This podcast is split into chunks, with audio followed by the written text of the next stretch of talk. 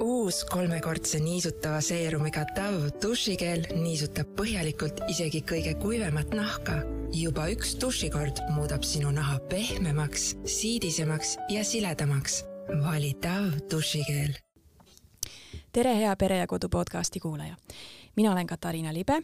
ja täna on meil ees jälle üks natuke teistsugune saade minuga on siin stuudios minu armsad kolleegid Pere ja Kodu toimetusest, meie peatoimetaja Elin Järvsaar ja veebitoimetaja Grete Sutrop. tere, Elin! tere! ja tere, Grete! tere! Meie kõik kolmekesi oleme emad, aga meie kogemus emana on väga erinev meie lapsed on erinevas vanuses ja nad on ka erinevate vanusevahedega. ja kuna meil kõigil on omajagu kogemust pereteemaliste artiklite kirjutamisega ja nende lugemisega,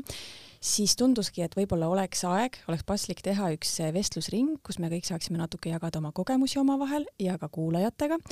ja ma loodan, et, et iga kuulaja nopib sellest vestlusest enda jaoks mõne toreda mõtte välja. meie tänase vestluse fookuseks on laste vanusevahed, mured, mis tulevad teise ja kolmanda lapsega ja uued teemad, mida toob kaasa see, kui laps saab teismeliseks. viimase kuue aastaga on Eesti kolme ja enamlapseliste perede arv kahekordistunud, mistõttu on näha, et mitme lapse teema puudutab aina rohkemaid peresid ja ka meie ajakiri on üha enam võtnud fookusesse mitme lapse ja teismeliste teemad. ja just seetõttu võiksimegi natukene nendel teemadel rääkida. Ja ma lähekski siis kõigepealt esimese küsimuse juurde, Elin, kui palju lapsi sinul on, mis nende nimed on, mis nende vanused on? Äh, minul on kolm last. Äh, kõige suurem on Anette Helena, tema saab nüüd äh, kahe nädala pärast juba viisteist, teismeline. siis mul on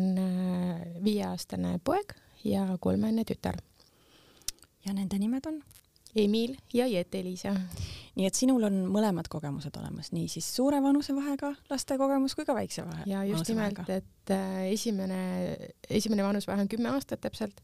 ja, ja teine siis äh, poolteist ainult, et äh, Emil saab nüüd viis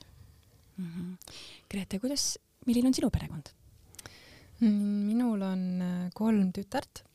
ja mul on siis need väikse vanusevahega kõik, et kaks aastat on kõigil vahet, et kõige vanem on üheteistaastane Maia, siis on üheksa-aastane Marta ja seitsmeaastane Miina ja nad on kõik sügisel, et siis need, meil on alati üks pidude selline aeg, et kõik on järjest, iga kuu on sünnipäev, nii et ongi kaks aastat vahet kõigil. no ma tahakski küsida, et milline on see ideaalne vanusevahe, ma ei tea, kas sellele on äh, ammendavat vastust olemas, mis te arvate? Elin, mis sina arvad? ma arvan, et sellel ei ole õiget vastust olemas, et äh, kui minul teine laps sündis äh, kümneaastase vanusevahega, siis ma arvasin, et see ongi ideaalne, et äh, ma väga kartsin seda vanusevahet, mõtlesin, et nad ju ei saa üldse lähedaseks enam, nad ei mängi enam koos. Tegelikult ma võiks isegi öelda, et esimesed kaks last on omavahel palju lähedasemad kui järgmised kaks. et nendel tekkis ikkagi see selline connection, kus äh, suurem äh, kuidagi väga kiindus sellesse väiksemasse, nad said omaette koos kasvada ja, ja nad isegi mingil määral nagu mängivad koos, aga pigem on see Anette Helena on siis Emilile selline mõnus eeskuju, kümme aastat vanem, äh, keda vaadata mm. -hmm. aga väiksematel on rivaalitsemist ka natukene või? ja, ja eriti palju tekkis seda siis, kui Jette-Liisa sündis siis äh, temal ei tekkinud kõige vanema ehk siis Anetega sellist äh, sidet nagu on Emilil. Ja, ja siis alguses oligi nagu selline, meile tundus, et need kaks esimest on hästi lähedased ja siis viimane on selline mahajäetu. Ja, ja võttis ikka väga kaua aega, enne kui Emil võttis äh, selle päris pisikese omaks, kuigi me arvasime justkui, et see lühike vanusevahe on siis selline, kus nad kasvavad kergesti kokku siis, siis meil oli see pigem vastupidi, et nüüd nad küll mängivad juba koos, kus on siis üks on peaaegu viis ja teine kolmene mm. -hmm. Grete, kuidas sinul need esimesed aastad olid nii väikse, nii väikese vanusevahega lastega, ma kujutan ette, et praegu on vist juba päris lihtne. ja no minul, eks ju, puudub kogemus äh, mingi teise vanusevahega, nii et selles mõttes ma ei oska öelda, minu jaoks, ma arvan, ongi see ideaalne praegu Äh, aga jaa, seal kindlasti oli, olid omad äh, väljakutsed, et äh, noh, muidugi see on tore, et nad ongi koos tegelikult kõik kasvanud, et me sellise tiimina seal koos kulgesime ja, ja kuidagi kõik, kõik väljakutsed ka niimoodi jooksu pealt lahendasime ära. aga seda rivaalitsemist on nendel ka ja kõige rohkem siis äh, Maial ja Martal ehk siis kõige vanemal ja keskmisel, et nemad kuidagi, äh, kuidagi nendel on äh, üksteisele rohkem õpetada, mulle tundub, ja, ja ma vahel olen mõelnud, et tegelikult äkki peaks üks olema või noh, oleks võinud üks veel olla seal, üks laps, et, et nad kuidagi oleks paarideks saanud jaguneda, sest kolmekesi ikkagi tekib sellist rebimist vahepeal. Et äh, ühega, ütleme, et see keskmine Marta, tema pigem ongi siis selline liim seal vahel, et tema äh, selle vanemaga, neil on omad mingid äh, asjad ajada ja siis nooremaga nagu omad asjad, et ja siis vahel üks on üle ja siis seal tekib sellist võib-olla kurbust natuke mm. -hmm. kuus aastat olid sa siis tööelust eemal? põhimõtteliselt küll isegi rohkem tegelikult, aga noh, ma ajasin igast muid asju seal, et ma niimoodi jah, üheksast viieni selles mõttes tööl ei käinud, aga mul olid igasugused tegemised, millega ma seal toimetasin, jah. Mhm. ütleme, ütleme võib-olla poole kohaga nii-öelda olin tööl nende kõrvalt mm. -hmm no mul jäi alguses ka enda perekonda tutvustamata, et minul on kaks last, Rudolf Mattias on kolmteist ja Joonas on viiene. ehk siis minul on ainult see suure vanusevahe kogemus ja mina ütlen küll, et et see on tegelikult ikka päris mõnus, et muidugi on mul natukene kade meel olnud vaadata sõpru-sõbrannasid, kelle lapsed saavad koos mängida, justkui nagu sa samu mänge, aga tegelikult mul ka juba nad täitsa mängivad koos, noh, võib-olla küll rohkem mingeid telekamänge, aga nad ikkagi toimetavad koos ja, ja, ja kui vanem laps oli kaheksane, kui noorem sündis, siis tegelikult ta oli juba piisavalt mõistlik selleks ajaks, et ta nagu oskas hinnata seda, et ta sai väikse venna ja ta ikka väga on hoolinud oma väiksest vennast ja samamoodi väiksel vennal on see suurem nagu ainult, ainult eeskujuks, et ta, ta on nii suur, et ta ei ole selline noh, rivaal on ju. et minu, minu jaoks oli ka see selline tore üllatus, et hästi palju ju öeldi, et oh, et noh, nii suur vanusevahe, et ega nad enam lähedaseks ei saa ja endal oli ka see oht või selline hirm aga, aga see, see minu meelest ei, ei läinud nagu täide, et tegelikult on ikka lähedased mm. -hmm sellest äh, tööelust eemal olemisest äh, rääkides, siis Elin, sina ju põhimõtteliselt ei jäänudki äh, kolmanda lapsega siis eriti koduseks? mina ei jäänud kolmandaga ja et esimese kahega olin ja kolmandaga jäi mul abikaasa koju. esialgu ma tulin tööle tagasi, kui Ette-Liisa oli neljakuune. seni ma siis kodus nokitsesin midagi, aga, ja siis ma tulin tööle kuskil kaks päeva nädalas. Äh, siis me olime paar kuud tegime niimoodi ja siis ma tulin täiesti täiskohaga. et, äh, et ja mul on olemas nii see kodus olemise kui ka tööl käimise kogemus olemas. ja, ja ma isegi ütleksin, et äh, täitsa tore oli tulla tööle ja, ja saada justkui puhtkust sellest lapsevanemlusest, kuna mul sündisid nad pooleteiseaastase vahega, siis ma olingi ju olnud kodus Emiliga.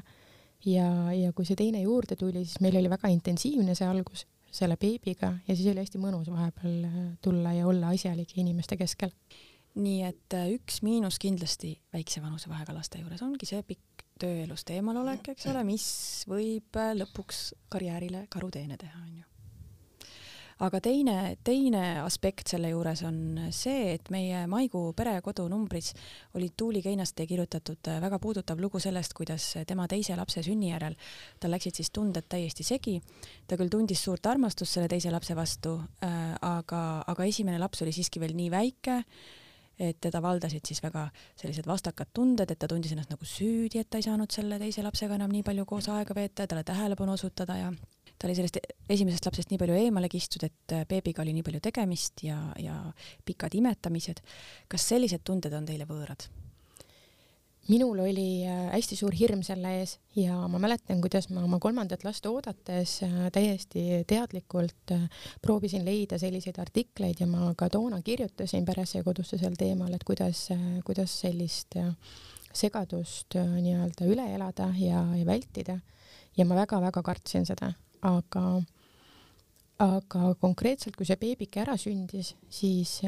siis minu jaoks tegi küll ikkagi ema süda tegi selle oma äh, korrektuuri, et, et mul tegelikkuses sellega probleeme ei tekkinud.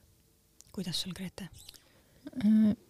ma ei oskagi öelda, minul ei olnud, äh, mul tegelikult ei olnud sellist hirmu.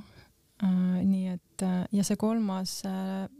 beebi sinna otsa oli tegelikult teadlik äh, otsus. Aga noh, see oli ka juba kogemuse pealt, eks ju, et ma esimese kahe pealt nägin, et tegelikult äh, midagi nagu kõik kuidagi kulges ilusti, et siis kolmas just sellepärast tuligi see mm, tunne või otsus see kolmas kohe sinna järjest äh, otsa nii-öelda teha, et, et siis olekski ma korraga pikalt äh, nendega ära kodus ja siis äh, hakkaks jälle, kui nad on niimoodi piisavalt äh, suured, et siis hakkaks jälle vaatama, mis ma, kuidas ma tööelu elan või mis ma nii-öelda eneseteostuslikult tegema hakkan. aga, aga jah, et, et mul tegelikult vist ei olnud äh, sellist äh, sellist hirmu selle ees ja ma arvan, et see mentaliteet, et me oleme tiim, ma vist enne ka ütlesin, et, et see kandis mind hästi-hästi läbi sellest, et me kõik, et ei ole mina ja üks laps, mina ja teine laps, mina ja kolmas laps, mingi selline kuidagi eraldi mingid suhted, vaid et me tegelikult olemegi kogu aeg komplekt ja seda ma neile ka ma arvan, andsin edasi kogu aeg, et, et kui ühel on halb, et siis me kõik nagu oleme selles sest me olemegi kõik koos ja me ei saa kuidagi kedagi nii-öelda välja sellest äh, lahutada või lükata, et, et see, see on hästi kandis, ma arvan, läbi minu, kuulan praegu äh, Gretet, et ta ütleb, et temal see kõik läks nii loomulikult ja ja, ja justkui äh, iseenesest, siis, siis minul see kindlasti niimoodi ei olnud. et ma olen ka muidu selline positiivsusest pakatav ja kui mulle raseduse aeg hästi palju prooviti nagu mind ette valmistada selleks, et kaks järjest last on äh, keeruline ja midagi teha ei jõua ja ja et äh, et kogu aeg on mingisugune korralagedus ja, ja keeruline, siis mina mõtlesin kogu aeg selle peale, et, et noh, mis, mis see siis nüüd siis ära ei ole, et, et noh, küll ma kuidagi hakkama saan, et ma olen ju kõigega siin elus hakkama saanud ja mida positiivsem sa oled, seda paremini kõik läheb. ja, ja ma läksin sellele kogemusele kuidagi hästi positiivselt peale ja, ja ja sain selle beebikese kätte ja siis ma sain aru, et tegelikult ei ole siin mitte midagi loomulikku, et äh, et mind oli äh,, mul oli ikka nagu räägitud, et kolmas laps on selline, kes käib teiste tuules ja kuidagi iseenesest ja meil see niimoodi ei läinud, et äh, meil oli väga-väga raske beebi. Äh,, ta oli, ta oli väga nõudlik. Nüüd ma olen kuulnud, et inimesed ütlevad, et et kui sa tuled siia kolmandana, et siis sa pead iseendale selle tee kuidagi rajama, et sind kuulatakse, sest muidu sind ei panda tähele. ja võib-olla see ongi niimoodi, sest Jete-Liisa on esimesest päevast peale hästi kõva häälega olnud. ta ei leppinud kuskil mujal kui ainult süles ja ta ei harjunud meie perega mitte mingit muud moodi kui ainult sedasi, et me panime oma pere tema järgi äh, käima. ja, ja minul oli küll selles mõttes äh, selline wake up call, et äh, et äh, alati ei pruugigi nii kerge olla, aga, aga selle õpetus on see, et, äh, et see möödub ja, ja täna on ju kõik juba mõnus. no mm, ma arvan, et äh, meil oli ka ikkagi kaost kohutavalt palju, ma arvan, et siiamaani on seda kaost, aga, aga selles vist on ka mingi selline õppetund, et kuidas sellega leppida, et äh, mul on muidu küll see, et mul peab olema ümberringi korras, et ma saaks äh, kuidagi mõelda, onju, et kui mul ümberringi on segadus, siis mu peas on ka suht segamini kõik või kuidagi hästi ebameeldiv on, ei saa keskenduda. et, et siis sellest ma olen pidanud natuke lahti laskma, sest äh, seda kaost lihtsalt kogu aeg tekib, isegi kui ma kõik ära koristan, siis järgmine hetk on see nagu tagasi. et ma arvan, et see jah, et kuidagi nagu leppimine sellega, et ongi kaos vahepeal, polegi midagi teha. ja ma arvan, mis teine asi, mis meid hästi toetas, on ikkagi tugisüsteem, et äh, vanaemad ja vanaisad ja, ja noh, abikaasa, noh, on ka selles mõttes isa on ju, et ta ei ole nagu tugisüsteem või noh, selles mõttes ta on ka pere osa, aga kõik, äh, et just, just need vanemad vanaisad ka, et, et see ja beebieas just ka et kui keegi oli meil ikka beebi, siis nemad käisid päris palju abiks meile kõik äh, ja see kindlasti ka aitas, et kuidagi seda pead selgena hoida, et mitte sinna ära kaduda. mis teie jaoks oli beebiea juures kõige keerulisem, Elin, mis sinu jaoks oli kõige keerulisem? Äh, mul äh, esimese kahe beebi-iga läks väga-väga mõnusasti, ma väga nautisin neid titasid, sest minu meelest üldse äh, beebid on maailma kõige armsamad tegelased maailmas ja, ja kõik need äh, magamata ööd ja, ja imetamise raskused äh, minu jaoks kuidagi äh, ei, ei defineerinud seda beebi elu, sellepärast et, et ma lihtsalt nii väga armastasin neid nunnutada. minu jaoks oli keeruline beebiaeg see kolmas ja, ja see oli seetõttu, et, et ma pidin tema elu eest kogu aeg hea seisma, sest mul oli seal kõrval see pooleteiseaastane kes äh, vaevu kõndis, ta ei äh, saanud veel mitte midagi aru, ta ei rääkinud ühtegi sõna ja, ja ma ei, ma ei suutnud talle selgeks teha seda, et äh, kui sa astud sellele jättelisakesele peale, siis, siis see võib väga nukralt lõppeda.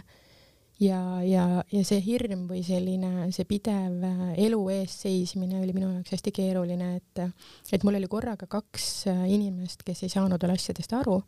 ja, ja üks oli neist märgatavalt tugevam kui teine et ma mäletan seika, kui mul tuli kuller ja, ja ta eksis kuhugi mul hoovi ära niimoodi, et ta ei leidnud õiget ust üles ja ma pidin talle appi minema. me räägime mingisugusest minutist või kahest ja selleks, et ma saaksin sinna õue minna, siis ma pidin noh, toas kõigepealt kaks korda nii kaua tegema ettevalmistusi, sest mul oli vaja see beebikene panna teise tuppa. meil äh, siseustel lukustussüsteemi ei ole, siis ma ehitasin sinna mingisugused toolid ja asjad ette, et see Emil sinna vahepeal ei läheks äh, teda noh lööma või mis iganes. siis ma jooksin kähku õue, omal surmahirm äh, tõin selle kullerikese siis tuppa ja siis tulin tagasi lootuses, et mu lapsed veel elavad. et, et see oli mu igapäev päris karm. Äh, minul oli esimene laps äh, äh, oli haige mm,. kui ma ootasin teist, et siis kui mu teine laps sündis, siis sellega oli meil natukene seal tegemist ja, ja ma noh, et siis oli küll, see oli nagu kõige raskem aeg kahe lapsega aga, aga siis ma kuidagi jõudsin äh, sellise jooga ja meditatsioonini, et see oli nagu see, mis mind äh, kuidagi sealt välja tõi. aga meil kolmas äh, laps oli küll selline kuidagi tõesti kõigi, kõigi tuules, tuules ja et tõesti väga chill ja mis minul on olnud, ma arvan, üks elupäästja on selline see kandekott või see kõhukott, et alati, kui keegi oli beebi, siis ta põhimõtteliselt elas seal sest siis ma sain kõiki muid asju ka teha ja noh, ma tean, et osadele vist see ei meeldi, mõnele beebile, aga meil õnneks kõigile väga sobis ja mulle ka, et siis olid käed vabad, see süsteem nagu töötas hästi. ja mina ka väga äh, tunnustan seda, et äh, meil ka see jätekene kasvaski esimene aasta ainult linas mm. -hmm. just, et äh, noh, ma olen hästi palju tegelikult nendega kolmega koos igal pool käinud ka, kui nad olid väiksed, et siis ma mäletan, et äh, kõik kuidagi imestunult vaatasid. muidugi ma praegu tagasi mõeldes ise ka imestunult mõtlen sellele, et issand, kas ma päriselt tegin mingeid siukseid asju. aga vaata, kui sa teed, noh, see ongi su reaalsus onju, et sa ei teagi, et kuidagi teistmoodi saaks ja selleks, et ise kuidagi ellu jääda või kuidagi mitte seal kodus kuidagi ära vaikselt surra onju, et siis ma lihtsalt võtsin nad kõik igale poole kaasa ja noh, mul võib-olla see oli ka hästi, et äh, ma ei tea, kas see on nagu tõsi või ei ole, aga noh, et, et tüdrukud võib-olla enamasti on rahulikumad, et, äh, et tõesti nad ei, ei jooksnud, ei jooksnud mööda seinu kuidagi, roninud üles või läinud igale poole, ei olnud nagu mingi katastroof, kus nad olid, onju, et tihti nad olid hästi, nad on hästi siia, ma ei tea, siiamaani võib-olla ei ole hea öelda, aga nad on äh, suht sellised ettevaatlikud ja ja minu noh, natuke nagu minu küljes kinni või kuidagi nii, et, et tegelikult see oli nagu minu kasuks, sest et siis nad kuskile nagu minema ei jooksnud,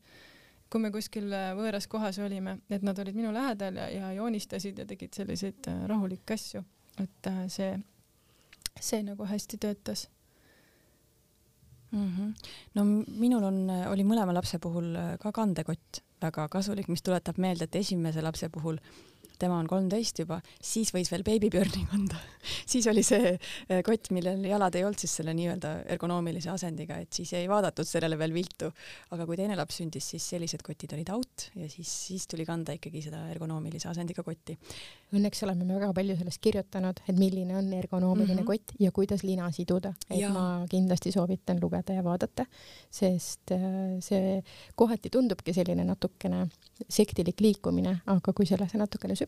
siis, äh, siis on sellel ju tõepõhi all, et mille pärast ta seal mm -hmm. peaks olema niimoodi konnaasendis. ja, ja just ma ikka rõhutaks seda, et äh, tasub äh, lapsed igale poole kaasa võtta, et see kõhukott toetab seda väga hästi ja tegelikult saab ka suuremaid lapsi minu meelest panna kuskile linasse onju. ma küll ei ole ise seda praktiseerinud, aga just see, et mitte jääda nagu mitte jääda kuidagi kinni sellesse, et nüüd mul on beebi ja ma olen kodus onju, et ma ei saagi midagi teha, et äh, võib-olla harjutada, oleneb muidugi beebist ka, aga ma arvan, et kui niimoodi väiksest peale harjutada neid kogu aeg kaasa võtta, et siis, äh, siis nad kõik harjuvad sellega, ei ole enam nii hirmus seda teha. mingist vanusest on vist seljakotid onju, kuhu lapsi saab pista? reeglina praegused kotid sa paned nii selga kui kõhu peale. meil äh, veebruarikuus ilmus äsja üks lugu kus äh, Kadri Viirand, kes on siis äh, Eesti laste, lapsekandmisspetsialist, andis nõu, et äh, mida ja kuidas oleks kõige parem kanda mm. -hmm. mida te oleksite tahtnud, et teile oleks räägitud enne laste sündi? või kas on mõni selline nõuanne, mida te nüüd ise räägite oma sõpradele-tuttavatele, kes hakkavad oma esimest last saama?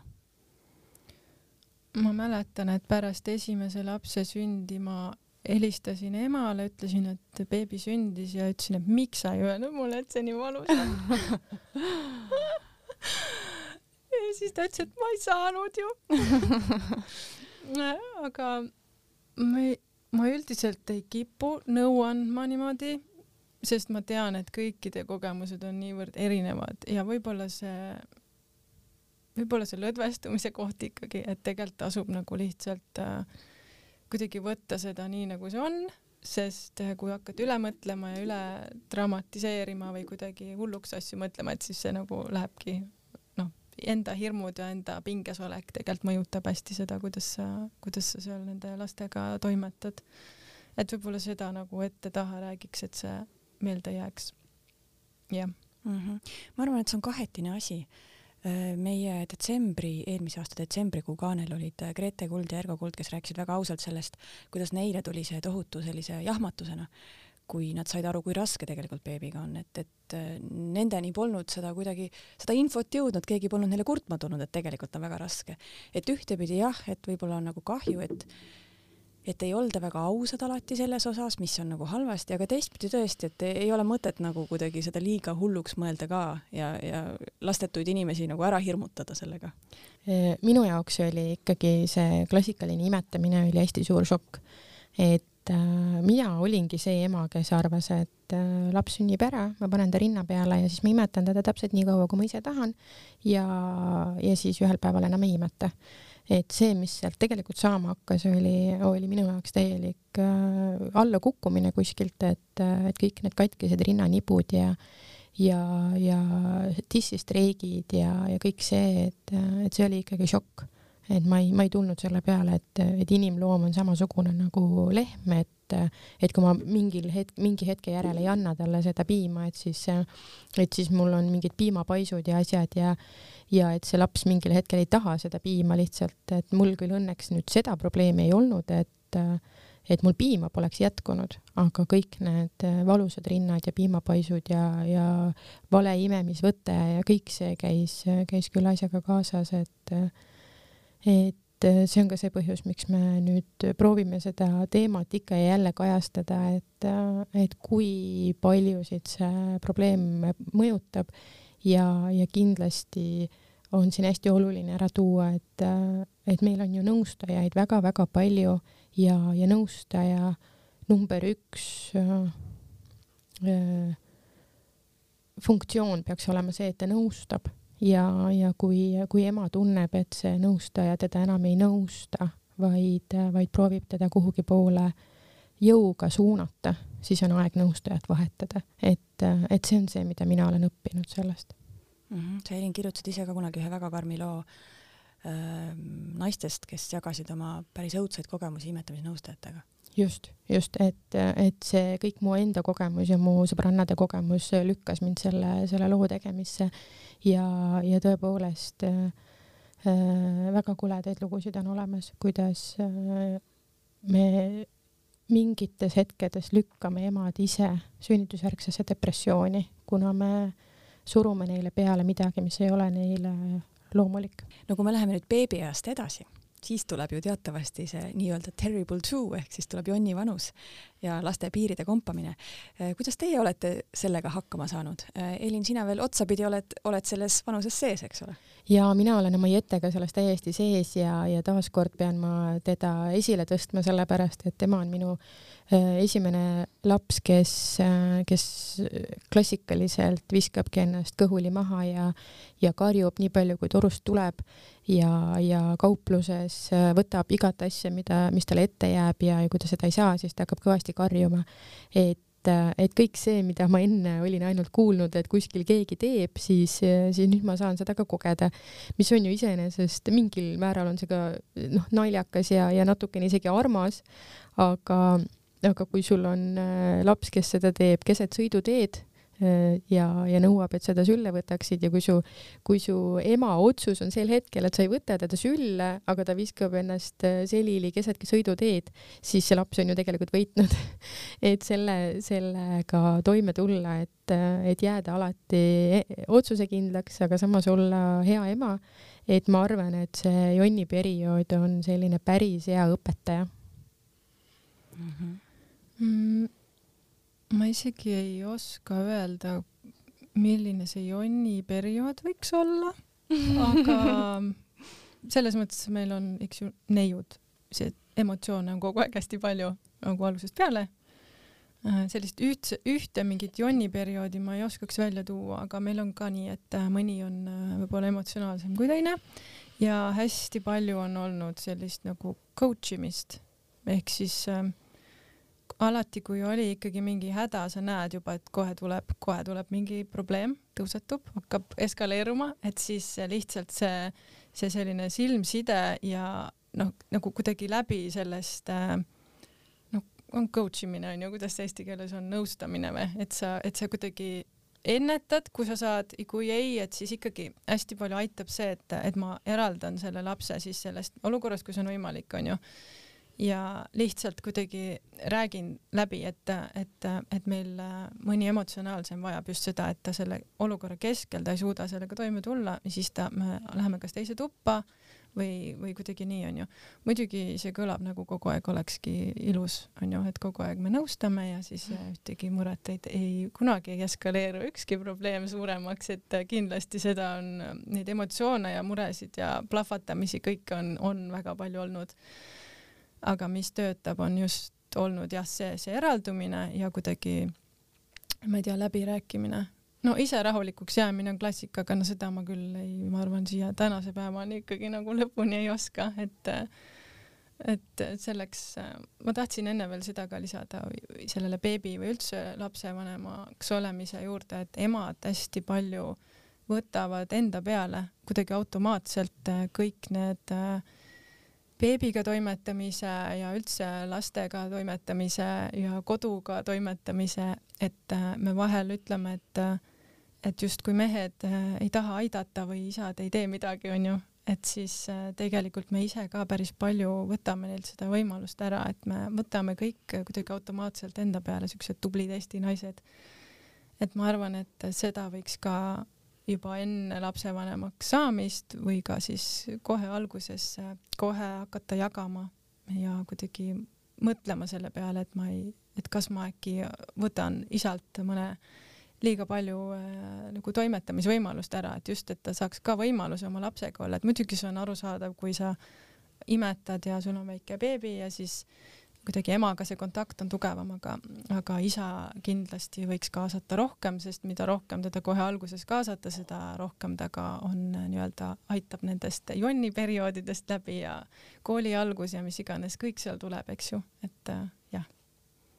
mm. -hmm no kui ma oma kogemuse siia sekka panen, siis minul on nagu Elinil, et minu esimese lapsega ma ei saanudki teada, mis asi see jonn on.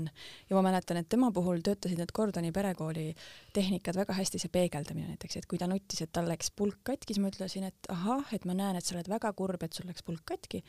ja siis ta nagu, ta kuidagi nagu leebuski selle peale või ta nagu nägi, et tema muret on nähtud ja juba hakkaski kergem. aga noorema lapsega no absoluutselt ei aita sellised asjad, et ta, ta, ta võtab sellest ainult tuure järjest üles, et noh, tema on veel viieaastane, iseenesest peaks see jonniperiood küll möödas olema, aga tema ikka paugutab uuksi meil suhteliselt iga päev. üks päev just ütles mulle, et sina ei või mind käsutada ja, ja temaga, tema on selline huvitav frukt, kes siis pakub väljakutseid no meil ka uksed ikka pauguvad äh, hommikust õhtuni onju, kui kellelgi on mure. ma arvan, et ma ise vist olen eeskujuks olnud sellel aga see on selline, keegi minu arust ütles ka, et parem äh, las paugutab ust, et siis ta saab vähemalt selle äh, välja, selle tunde endast, et mitte ei äh, mata seda kuhugi maha mina alati mõtlen selle peale, et, et kui mina veel olin ühe lapsega, ma olin päris pikalt selle ühega, et siis alguses ikka tundus, et, et noh, mingisugune imelik ütlus on, et väiksed lapsed, väiksed mured, suured lapsed, suured mured, et see tundus nii kuidagi klišee ja, ja noh, niisama nagu, et noh, mis seal siis saab olla, et mida suuremaks see laps saab, seda iseseisvamaks, seda tublimaks aga muidugi nüüd, kus mul on äh, nii viieteistaastane kui ka need äh, väikelapsed, siis, äh, siis ma saan väga hästi aru, mida see ütlus tähendas, et, kui me võtame selle jonniperioodi ja võrdleme seda beebiperioodiga, siis need noh, mitu magamat ööd meil oli või mitu rinda meil oli katki ja kui kaua, et noh, see oli nagu olemas kuskil, see meie teadvuses on see olemas, aga, aga noh, päriselt see nagu ei, ei defineeri enam meie vanemlust ammu. siis tuleb see jonni periood, kus sa pead kellegi isiksusega tegelema ja siis see on selline hästi Äh, juba, juba üsna keeruline ja sa proovid leida mingisuguseid äh, teooriaid sinna taha, et kuidas sellega seda lahendada, sa proovid peegeldamist, mõne lapsega töötab, teisega ei tööta, proovid eraldamist, mõnega töötab, teisega ei tööta. meie oleme leidnud selle, et ma võtan selle äh, kolmese ja kallistan teda ja siis ütlen, et tule, ma lihtsalt lohutan sind. Ja siis see justkui praegu töötab. kui kaua, ma ei tea. Siis ma mõtlen selle viieaastase peale, temal on juba mingisugused äh, isiksuse kujunemise mured, mis, mis tahavad jälle veelgi sügavamat äh, süvenemist ja, ja, ja mõtestatud lähenemist. Ja selle kõrval see, see jonniv kolmene on selline, et noh, hea küll, et eile jonnis, aga täna ei jonninud, päris hea päev onju, aga ja kui me nüüd siit edasi läheme, jõuame juba mingisuguse äh, eelteismelise kooliajani ja, ja tegelikkuses ma näen, et need mured, need äh, lapse kasvatamisega seonduvad probleemid lähevad aina suuremaks või selliseks äh, sügavamaks, mis, äh, mis peakski olema selle, selle ütluse see tagamõte, eks, et et hea küll, et see, et see beebielu raskus küll täidab meie kõik päevad, aga, aga tagantjärgi noh, need olid kõik sellised ületatavad probleemid, et kui ma täna ei maganud, siis homme magasin aga, aga kui, kui tulevad need äh, päris äh, suure lapse probleemid, siis, siis need jäävad ikka hinge saatma ka öösel, kui sa magad ja, ja päeval, kui sa tööl oled. ja mul ongi tunne, et tegelikult see nende suurte laste äh, väljakutsed ja mured, mis tekivad, et hästi oluline ongi see, see baasi loomine, kui nad on väiksed, et, et kuidagi seda äh, sidet hästi hoida nendega pisikesest peale, et siis need suured mured on ka kuidagi võib-olla natuke lihtsamini ületatavad, sest et, et selline mingi, mingi läbiv nagu ma ei tea, murede jagamine on väiksest peale olnud ja mm. -hmm. millised mured tulevad teismeeaga? no meie jaoks oli hästi suur pauk see, kui Anette Helena läks kooli ja ta on hästi iseseisev ja, ja tubli olnud, tal oli äh, kogu see eelkooliealise etapp oli kuidagi lihtne ja temaga on alati olnud väga kerge rääkida, ta on mind hästi usaldanud, aga, aga koolis on tal algusest peale väga raske olnud ja, ja alguses tal ei tulnud hästi asjad välja ja kui tal hakkasid asjad välja tulema, siis ta hakkas aru saama, kuidas mingitest asjadest saab piilida niimoodi, et ei peagi tegema. ja, ja nüüd nagu seda, seda talle kuidagi elukestvalt talle selgitada, et, et tegelikult elus on mingid asjad, mis, mis tuleb ära teha ka siis, kui sulle ei meeldi. et, et kui sa sellele kolmeaastasele ütled, et noh, et sa, et sa ei tohi praegu seda kommi võtta, siis see, siis see nagu sellega lõpebki või et, et väga oluline on tuppa tulles käed pesta siis, siis teismelisega see enam nii ei käi, et, et mingeid, mingeid tõdesid ja, ja selliseid elu eesmärke talle selgeks teha on palju raskem kui, kui öelda, et mine nüüd pese need käed ära. Juunikuu Pere ja Kodu ajakirjas oli üks väga hea artikkel, millel ma tahtsin ka korra natukene peatuda Eesti Naise peatoimetaja Heidit Kaio rääkis siis loo sellest, kuidas tema poeg sai düsleksia diagnoosi, et see tegelikult võttis päris kaua aega, kuigi perekond sai juba pikalt aru, et, et midagi on sellel lapsel teistmoodi. kuidas teie kogemused on, kas te olete puutunud kokku ka mingite selliste diagnoosidega, mida on tulnud väga pikalt taga ajada? minul kolmeaastane ei hakanud rääkima hästi, kes nüüd on viiene ja meie käisime ka logopeedide juures ja, ja sattusime ka selle olukorraga kokku, et et erinevad spetsialistid on väga erineval arvamusel ja, ja nagu ka Heidit sellest düsleksia loos rääkis, siis tihti pannaksegi see lihtsalt õpiraskuste alla kirja või, või kuidagi ei, ei süveneta rohkem, et, et mis sellel lapsel siis olla võib, et et kahjuks näeme oma töös ka nagu hästi palju seda, kuidas lapsevanemad aastaid ja aastaid ajavad taga mingisugust diagnoosi või mingisugust lahendust probleemidele, mis, mis võiksid olla palju kättesaadavamad, kui, kui meil oleks piisavalt neid spetsialiste ja, ja, ja see abi oleks kättesaadavam mm. -hmm. logopeedide kohta tean omast käest ka, et tõesti sinna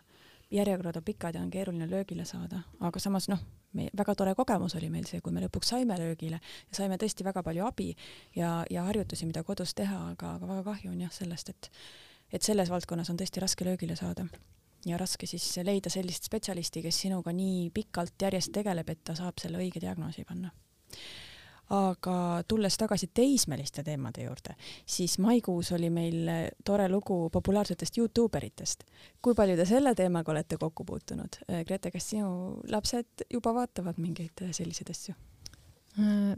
ei vaata õnneks. Äh, me oleme hoidnud hästi sellist äh, nutipiiri nendega ja õnneks äh, õnneks ka sõbrad, et muidu ju, eks ju, ma võin hoida seda piiri seal onju, aga et sõbrad võib-olla kuidagi tegelevad või vaatavad rohkem, et meil praegu ei ole küll sellega olnud äh, kokkupuudet, et, äh, et sõbrad ka väga ei vaata ja nad on veel, äh, kui siis nad pigem kas suhtlevad omavahel või siis mängivad mingeid mänge oma selle ajapiiranguga mm. -hmm. nii et siin tuleb jälle kasuks see, see väike vanusevahe, et,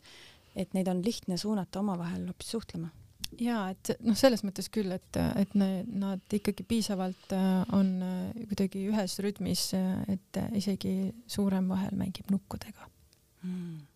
mina pean küll siin ütlema, et see on minu selline mm,, ma ei teagi, kas tegemata jätmine või selline äh, kivi kapsaaias, et, et ma soovin, et ma suudaksin oma selle äh, kasvava teismelise Äh, tegemiste ja, ja huvidega rohkem kursis olla, äh, millest taaskord ka see, see kõnealune Youtube'i äh, artikkel sündis, et äh, et kuidagi on ikka nii, et, et mingid asjad, mis sind ennast paeluvad ja kui need on sinul lapsega ühised, siis, siis te teete neid koos, aga mina ise ei ole kunagi äh, väga selline videote vaataja olnud ja, ja mul tüdruk küll vaatab ja siis ma, siis ma proovin ennast kuidagi sellele lainele viia, et ma saaksin, et mul oleks temaga midagi rääkida. aga see tuleb kuidagi tehislikult ja, ja see ei ole see, see mina ise ja, ja see on jälle see, see teema, just see, see suured lapsed, suured mured, et sa kuidagi, sa nii väga tahaksid selle lapsega seda, seda sidet luua ja tema huvidest äh, tema huvisid paremini mõista ja, ja nendega kaasas käia, aga, aga see jälle ei ole nagu see päris sina.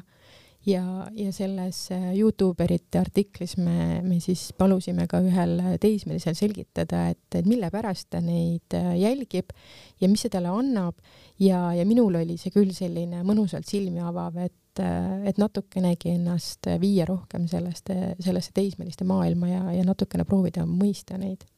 mm. -hmm. ma kujutan ette, kuidas see teismeline pööritab silmi, kui sa, kui sa küsid tema käest, et selgita mulle, et. ja just nimelt, just nimelt, et seetõttu on äh, minul oma ameti juures hästi hea lihtne, et ma leian kellegi mingisuguse teismelise, kes väga hea meelega mulle selle lahti seletab, et, äh, et ma saaksin jälle grammi targemana enda lapse juurde minna mm. -hmm. no võõrale tädile on seda nagu lihtsam rääkida kui oma emale, kes nii rumalaid küsimusi küsib aga lõpetuseks ma tuleksin nüüd sellise veidi keerulisema teema juurde, et ma kirjutasin ise hiljuti loo ühe lapse eelistamisest teisele. minuga jagasid mitu ema väga avameelselt oma kogemusi, oma tundeid selles osas, et nad tõesti tunnevad ühe lapse vastu veidi teistsuguseid tundeid kui teise lapse vastu või teiste laste vastu. kui palju see teema teile tuttav on? kui palju te olete mõelnud selle üle, et, et kuidas ma ikkagi suudan oma seda tähelepanu ja hellust jagada kõigi laste vahel ja et keegi ei jääks äh, natukene ilma. ja kolme lapse kõrvalt ikka väga-väga palju mõtled selle peale ja, ja seda ema süütunnet äh, on ju kogu aeg, kord ühega, kord teisega, et äh, just pärast seda, kui sinu lugu ilmus, siis, siis ma mõtlesin selle peale jälle sügavamalt, et mulle tundub, et, et ma ajast aega eelistan kord ühte, kord teist, et mul ei ole mul ei ole sellist lemmiklast, küll aga on mingites teemades või mingites ajaperioodides ma tunnen, et et ma olen võib-olla ühele teinud rohkem liiga sellega, et ma olen teise poole hoidnud või vastupidi, aga see tavaliselt on seotud millegagi, et, et kindlasti on see teema, millega peaks vanem iseenda sees pidevalt tegelema ja, ja ma, ma ka tegelen, aga teisalt ma jälle tahaksin üles kutsuda sellele, et et ega see, ega see enesesüüdistamine ka ei aita või et iseendale millegi pahaks panemine, et et pigem proovida äh, selle teemaga kuidagi selliselt tegeleda, et ei ole vaja süüdlast otsida, vaid, vaid kui sa tunned, et sa oled äh, Äh, ühele mingi hetk rohkem tähelepanu pööranud või, või, või kuidagi mõistvam temaga olnud, siis, äh, siis jälle proovida teisele ka rohkem tähelepanu anda või enda sees mõtestada, et miks sa, miks sa seda tegid. et, äh, et see, see enesesüüdistamine on vanemlusega kaasas käiv selline väga raske taak, millega me kõik ju tegelikult tegeleme kogu aeg selles artiklis ka äh, psühholoog andis nõu, et esimene asi on ikkagi see, et endale tunnistada neid tundeid, et siis saab edasi vaadata. aga kuidas sinuga on, Grete mm,? mul ka otseselt nüüd mingit äh, eelistamist selles mõttes ei ole, aga, aga on ka seda, et äh, ikkagi vahepeal saab üks tähelepanu rohkem, vahepeal teine, et mm, me oleme sellise lahenduse noh, see on üks sihuke pisike näide, aga et noh, et eh, kui näiteks kellelgi on sünnipäev, et siis ta saab alati oma päeva koos emaga näiteks onju, noh vahel kui isa on ka noh olemas, et siis, siis, siis just, et tema on see staar seal ja saab valida, kus me siis lähme ja mis me teeme. aga muidu täitsa igapäevaste tegevuste juures ka, et näiteks a la, kes saab poodi kaasa tulla, onju, et siis ma olen ka nad niimoodi jaganud, et, et alati kõik ei, näiteks ei tule, et vaid üks tuleb. et see kõlab nagu mingi väga selline banaalne näide, aga tegelikult see annab ka, see väike poeskäik tegelikult annab selle kontakti või näiteks ma ei tea, koeraga jalutama, et et seda üks-ühele aega lihtsalt ka klišee on ju, kõik räägivad, aga no tegelikult päriselt ka see ongi nii, et, et äh, kui sa oled ühe lapsega kuidagi rohkem koos, siis sa nagu näed teda hoopis teise pilguga, et kui nad kõik seal niimoodi komplektis ringi möllavad, et siis, siis sa seda alati võib-olla ei näe. ja teine asi veel see, et, et kui meil on meie keskmine, meie Marta on selline äh, selline särtsakas tüüp, et siis ta teeb igasuguseid pahandusi kogu aeg, mitte nagu isegi pahandus on võib-olla vale sõna, aga et ta nagu, ta on väga leidlik, ütleme. ja siis äh,, ja siis temaga tuleb sellist nagu manitsemist võib-olla rohkem ette kui teistega, siis ma vahel ka mõtlen, et issand, et ma ainult riidlen või kogu aeg ma ütlen, et ära nüüd seda, vaata, mis sa nüüd sinna panid. et, pane oma asjad kokku ja kõik see, et ta on täpselt siuke Lotte onju, kellel lihtsalt kogu aeg juhtub ja tuleb uus mõte ja uus mõte. et siis äh, ma olen seda ka vahel mõelnud teadlikumalt nagu äh,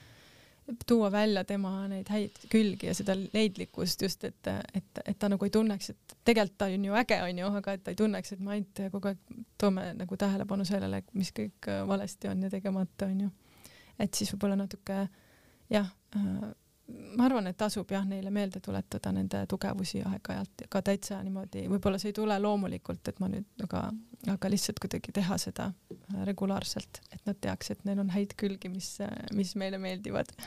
ja ka märgata last selles mõttes, et tihti nad ju ise tajuvad ära, kui, kui, äh, kui nendel tekib see konkurentsi oht, et et äh, meie omad küll näiteks mingite asjadega, näiteks hommikuti anname neile vitamiini, siis nad teavad täpselt, et eile sai Jette esimesena, täna pean mina esimesena saama ja homme teab Jette, et tema saab esimesena. või et kui me aeg-ajalt anname neile kümneks minutiks tahvlit äh, mängida, tahvelarvutit siis, et siis ka juba nad teavad, et eile oli äh, tema esimesena, täna pean mina esimene olema, et et märgata neid, neid momente, kus nad ise selle, selle konkurentsi ära nagu tabavad ja, ja tekitavad endale mingisuguse graafiku, et et siis, siis saab ka nagu neile märku anda, et tegelikult äh, meil on kõik võrdne. ja see kõnetab mind väga, meil on igasuguseid järjekordi, meil on olnud mingid pudrujärjekorrad või noh, et kes valib putru täna ja kes istub emme kõrval täna, kes saab istuda millises autos ees, igasugused järjekorrad, et äh, alguses see nagu töötas nii, et nad ise omavahel neid äh, jätsid meelde, onju, kui nad väiksemad olid nüüd kellelgi pole midagi meeles ja kõik riidlevad, et aga sina olid eelmine kord, ei olnud mina, sina olid, et äh, ma ütlesingi, et tehke nimekiri ja siis mu eelteismeline ütles, et mis nimekiri, ega ma mingisugune laps ei ole. Jah, aga see üks-ühele aja veetmine on küll jah asi, millest ma olen alles hiljuti aru saanud, aga nüüd olen siis põhjalikult aru saanud, et ma enne mõtlesin, et lastega aja veetmine ongi ju lastega aja veetmine, et kui ma nendega kahekesi või noh, siis kolmekesi kusagile lähen, et siis me ju veedamegi koos aega. aga tegelikult tõesti, et, et mingid asjad paranesid hoopis siis, kui ma hakkasin nendega üks-ühele kumbagagi siis vastavalt vanusele minema siis sellisesse kohta, mis, mis neid huvitas ja, ja siis äh, alati tasub ka kuidagi mõelda sellele, et kasvõi kui me käime poes, et siis me siis see, kellega ma olen poes, ma lasen tal siis kas midagi head valida või midagi sellist ja siis ütlen, et ära siis noh, teistele ütle, onju, et las see olla nagu meie omavaheline asi. ja noh, ütlen ka seda, et teistega ma teen ka nii, eks ju, aga et noh, et, et et kui sinu kord on kuskile koos minna, et siis, et see on nagu siuke eriline onju, et, et ei ole nii, et viime teistele ka alati, et kuidagi, kuidagi seda erilisust välja tuua, et tema, tema hetk on praegu mm. -hmm no mulle tundub, et see ongi väga ilus mõte, millega lõpetada seda podcasti. Eh, mina sain küll mõne, mõningaid väga toredaid mõtteid, ma loodan, et ka kuulajad said toredaid mõtteid ja ma loodan, et eh, mõni kuulaja pani tähele ka või pani kõrva taha ka mõne toreda artikli, mida siis minna, minna nüüd eh, otsima, uurima, kõik on ka veebist üles leitavad. perejakodu.ee ja aitäh, Helin sulle. aitäh, Katariina. aitäh, Grete. aitäh, Katariina ja Helin aitäh, armas kuulaja ja kõik meie saated on leitavad üles Spotify'st, iTunes'ist, SoundCloud'ist ja teistest suurematest podcast'ide rakendustest. uus kolmekordse niisutava seerumiga Dove dušikeel niisutab põhjalikult isegi kõige kuivemat nahka. juba üks dušikord muudab sinu naha pehmemaks, siidisemaks ja siledamaks. vali Dove dušikeel